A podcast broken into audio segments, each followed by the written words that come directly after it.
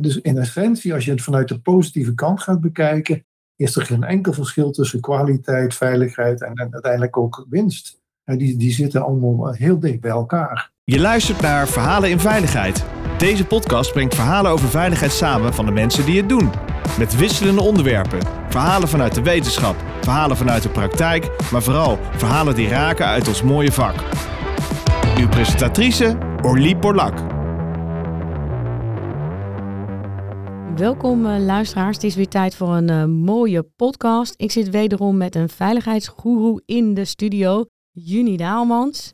En voor je hem niet kent, komt hier zijn mooie introductie. Juni Daalmans is managementtrainer en veiligheidspsycholoog, programmadirecteur veiligheid KPE Groep en auteur van het boek Brain Based Safety. Vandaag praten we over de relatie tussen psychologie en veiligheid. Juni, ik vind het hartstikke leuk dat je er bent. Ik ken je boek, ik gebruik hem ook. Maar ik weet niet of de luisteraars jouw boek al gelezen hebben of uh, van Brainbase Safety hebben gehoord. Dus vandaar misschien ook wel hartstikke leuk dat je meewerkt aan deze podcast. Welkom. Ja, leuk om dit te doen en hier te zijn. Laten we gewoon met de deur in huis vallen. Wat is eigenlijk Brainbase Safety? Ja, het is, het is, een, ja, het is een theorie of een aanpak of een concept. Um, dat is dan moeilijk te zeggen, maar het gaat over de vraag van uh, als we veilig gedrag willen hebben, wat doen we dan en welke, waar halen we die kennis vandaan over wat veilig en onveilig gedrag is? En mijn insteek is, is het brein geweest. Dus ik, eh, ik ben heel erg biologisch in mijn, benadering geweest en gewoon kijken wat doen mensen uh, waardoor ze zich veilig of onveilig gedragen en hoe komt dat in het brein? welke boodschap geeft het brein en, uh, ja, en hoe uitzicht dat dan in, in het dagelijkse leven? Dat is eigenlijk de, kern. Ben je dan ook wat meer bezig met uh, de amygdala, gewoon het angstcentrum? Als je kijkt naar omgang met veiligheid? Ja, je hebt dus in het brein uh, dingen zitten die, uh, die je willen tegenhouden van handelingen. En je hebt er die je ergens naartoe willen trekken. En dus de amygdala is, is een van de onderdelen van angst. En je hebt daarnaast ook een pijn natuurlijk. Pijn, pijn is, uh, dan ben je eigenlijk te laat. En angst is, is verder in de evolutie. Is, dat waarschuwt je van als je zo doorgaat, heb je dadelijk pijn. Dus dat zijn de, de remmers, zou ik maar zeggen. En die proberen je in banen te leiden de goede kant op. Aan de andere kant heb je verleiders. En die verleiders die, uh, die willen iets bereiken met jou. En dat, uh, dat kan uh, een prettig gevoel zijn. dat kan ook zijn een resultaat bereiken. Dat kan zijn bij de groep horen. Dus dat, dat zijn ja, de, de, beloners die als het ware als een drijfveer in een bepaalde richting sturen. En kijk je ook wel zo naar het brein als remmers en verleiders? Ik vind het een mooie metafoor die je gebruikt. Ja, nou ja, ik, ik kijk eigenlijk altijd naar het brein. Ik, ik, als mensen bezig zijn, dan, ja, dan, dan denk ik al bijna wat gebeurt daar in het brein. Ik kan ook bijna aanwijzen in het brein waar het gebeurt. oh, nou, nou is dat gebied aan de hand. En ik kijk dus heel erg biologisch naar, naar gedrag. Daar, daar komt het gewoon op neer. En wat is nou effectiever, hè? Een remmer of een verleider? Nou ja, het, het bijzondere is dat uh, je zou denken, verleiders zijn natuurlijk veel leuker.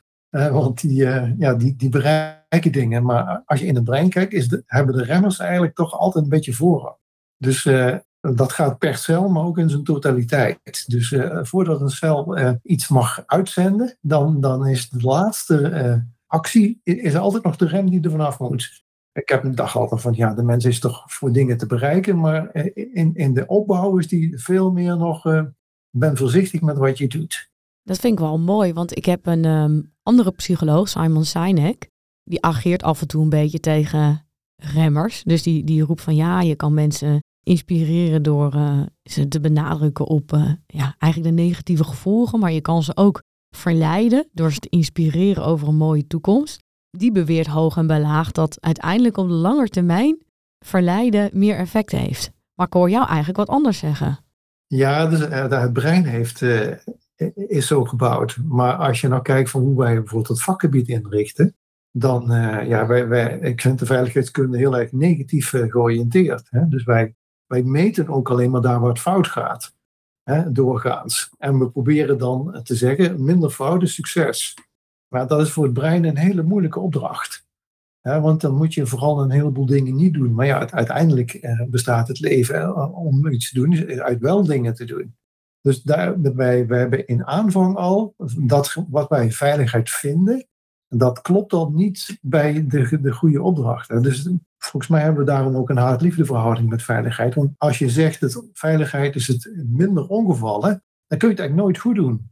Nee. dus, ja, dat waren de laatste, ja, dan werden dan de, de, resultaten van de ongevallen in, in de bouw duidelijk. Dat waren er vier of nee, acht doden geloof ik in, in 2021. Dat, dat is een stuk minder dan het jaar ervoor. Maar het is nog steeds geen reden om een feestje te vieren. En dat is, uh, ja, ik, ik, denk dat wat dat betreft uh, het vakgebied helemaal moeten omdraaien. En vooral meer moeten kijken, wat moeten we wel doen? Dan gaan we vooral vooruitgang brengen. Het brein is heel moeilijk in, in te proberen te denken wat allemaal niet moet. Dus we, we, hebben de self-fulfilling prophecy, maar de, dus datgene wat we ons voorstellen, wat, wat er is en waar we naartoe kunnen trekken, dat, dat beweegt ons. En, en datgene wat, wat fout gaat, dat remt ons de hele tijd.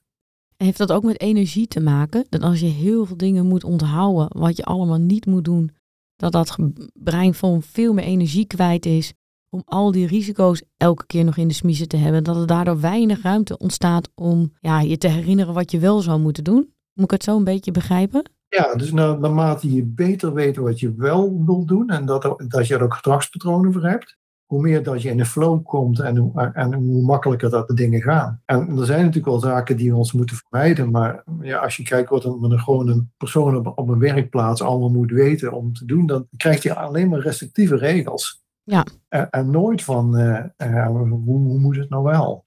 Is het ook niet een beetje, ja, als ik iets gek zeg, moet je het ook maar gewoon zeggen, een beetje als opvoeden? Als je als ouders de hele tijd tegen je kinderen zegt wat je niet moet doen, dan heb je toch ook een andere focus dan als je de hele tijd uh, laat zien hoe je het wel moet doen. Ja, ja en, en dan, het wordt ook niet leuk thuis als je de hele tijd zit uh, te corrigeren. Ja, en het, het blijkt ook, uh, ja, als je pedagogisch onderzoek doet, ziet, en, ja, dus je, je kunt een kind wel voortdurend leren dat hij, stel hij kan net kruipen, dat hij niet in die plantenpot mag graaien. Je kunt ook gewoon elke keer als je in die plantenpot gaat, eventjes wat, wat anders pakken en hem afleiden. En, dat hij die hele lol van die plantenpot kwijtraakt. En dat laatste is eigenlijk veel leuker om te doen en even effectief. Kost in de aanvang wat meer energie, maar uh, ja, daarmee heb je gewoon toch een, een leukere sfeer in huis en, en, en een leuker kind. Nou vraag me ook meteen af, als wij heel veel focus hebben op dingen die we niet moeten doen, dingen die we moeten vermijden, dingen waar we bang voor moeten zijn, wat doet dat met het hoofd? Uh, nou ja, in elk geval, de, het plezier gaat er niet op vooruit, laten we het zo zeggen. En je hebt mensen die dus gewoon een heel stevig angstsysteem hebben ja. dat heel hard werkt. En ja, je ziet dat die mensen eigenlijk een steeds beperktere scope krijgen van doen. dat zie je overigens ook in, in een team. Uh, een team kunnen ook angsten zijn. Uh, angsten voor ja, de reacties van andere mensen. En als jij bang bent dat wat jij zegt, dat dat fout gaat vallen, als er bijvoorbeeld sociale onveiligheid is, dan ga je gewoon minder zeggen. En dan ga je dus uiteindelijk ook minder bijdragen aan het succes van het team. En moet ik dat zo ver trekken ook naar handelen? Gewoon, want dit gaat een beetje over psychologische veiligheid. Als we dan die bouwplaats nemen en ik heb, uh, nou ja, ik, ik, moet op een steiger werken en ik ben net helemaal uh, geïnstrueerd over alle risico's van uh, vallende objecten en dat ik kan vallen. Wordt mijn brein dan ook beperkt in het denken in oplossingen? Word ik dan door die angst verlamd of zo? Hoe moet ik dat zien? Nou, dat, dat hoeft niet. Maar je ziet dus wel dat um, zeg de creativiteit van het brein gaat achteruit als, als er meer angst is. Je, komt, je komt toch in een soort uh, beperktere modus terecht. En je probeert dan vooral te doen wat, uh, ja, wat, wat nodig en, en, goed is. En je probeert vooral geen fouten te maken. Maar als je de hele tijd bezig bent met geen fouten te maken, is het brein ook niet zo bezig met hoe het goed kan, of sneller kan, of efficiënter kan.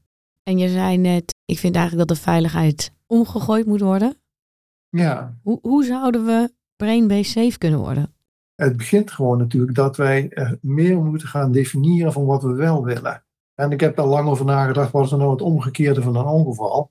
Uh, want dat is, dat is nog niet zo gemakkelijk, maar eh, dat komt eigenlijk altijd uit op grip. Dus je wil grip hebben op processen, je wil iets doen. En je wil dat dusdanig doen dat daar geen rare, uh, onverwachte dingen gaan gebeuren. Als je er vanuit denkt van nou, wat kan ik nou doen om, om meer grip op processen te krijgen? Dat, daar zit vaardigheid bij, skills. goede omgeving, goede voorbereiding. En dan ben je bezig met gaandeweg iets, iets veiligs op te bouwen. En dan kun je best nog wel hele spannende dingen doen. In, in een bouw kun je dan toch nog wel zware uh, dingen hijsen tussen gebouwen door. En, en dat dat goed gaat. Als je maar grip hebt op dat hele hijsproces in dit geval. En dat is beter dan dat je zegt, nee, daar niet, daar niet. Dus, dus ik ben voortdurend bezig, waar krijg je grip en, en waar verlies je het? En hoe, hoe, hoe, hoe hou je dat steeds in stand? En dat is wat de Engelsen in control noemen. Dus wat anders dan nog dan controleren, maar dus gewoon beheersing van het proces. En als je beheersing hebt op processen, dan ja, er gebeurt iets anders. Dan, dan heb je enerzijds heb je die veiligheid wel te pakken, maar, maar ook dat wat je wil en, en, die, de resultaten die je wil bereiken. En waarschijnlijk ook de kwaliteit, want die zit ook in datzelfde pakket. En dus in essentie, als je het vanuit de positieve kant gaat bekijken, is er geen enkel verschil tussen kwaliteit, veiligheid en, en uiteindelijk ook winst. Die, die zitten allemaal heel dicht bij elkaar.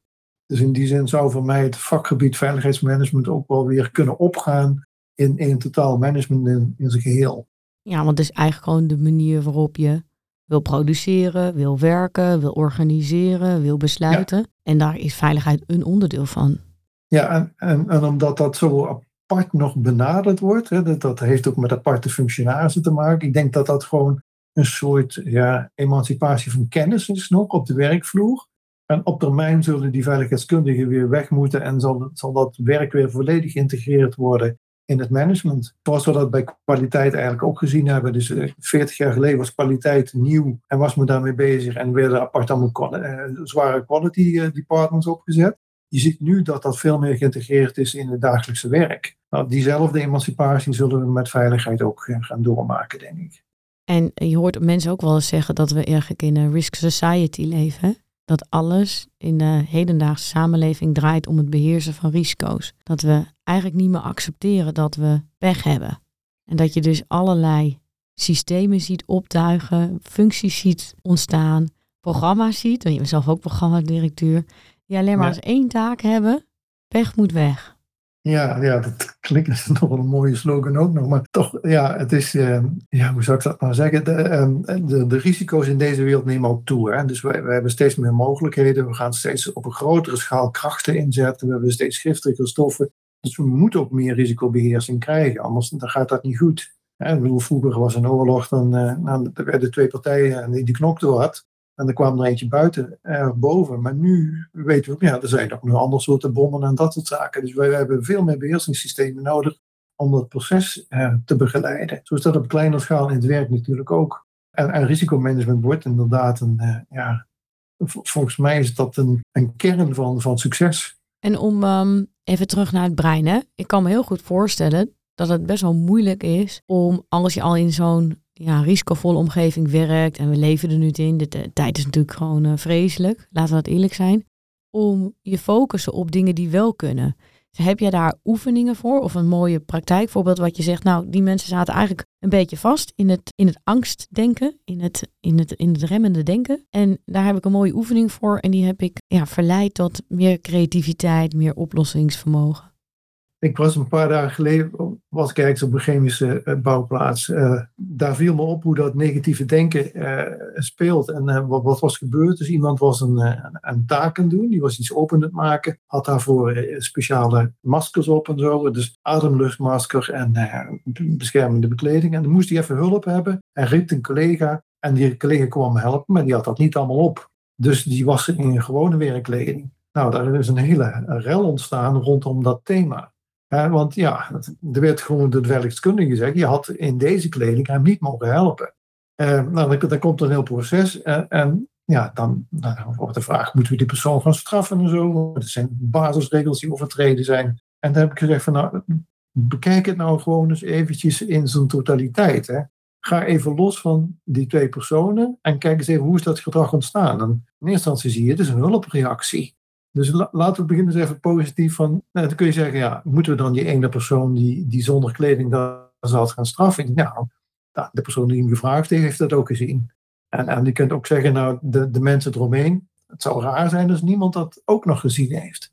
En het zou ook raar zijn als het voor de eerste keer gebeurd is, dit hier. Dus ik vraag altijd de mensen, neem even afstand van wat er gebeurd is en bekijk dan eens opnieuw als buitenstaander hoe dat ontstaan is. En dan zie je dat er heel vaak positieve intenties zijn geweest om tot dit gedrag te komen.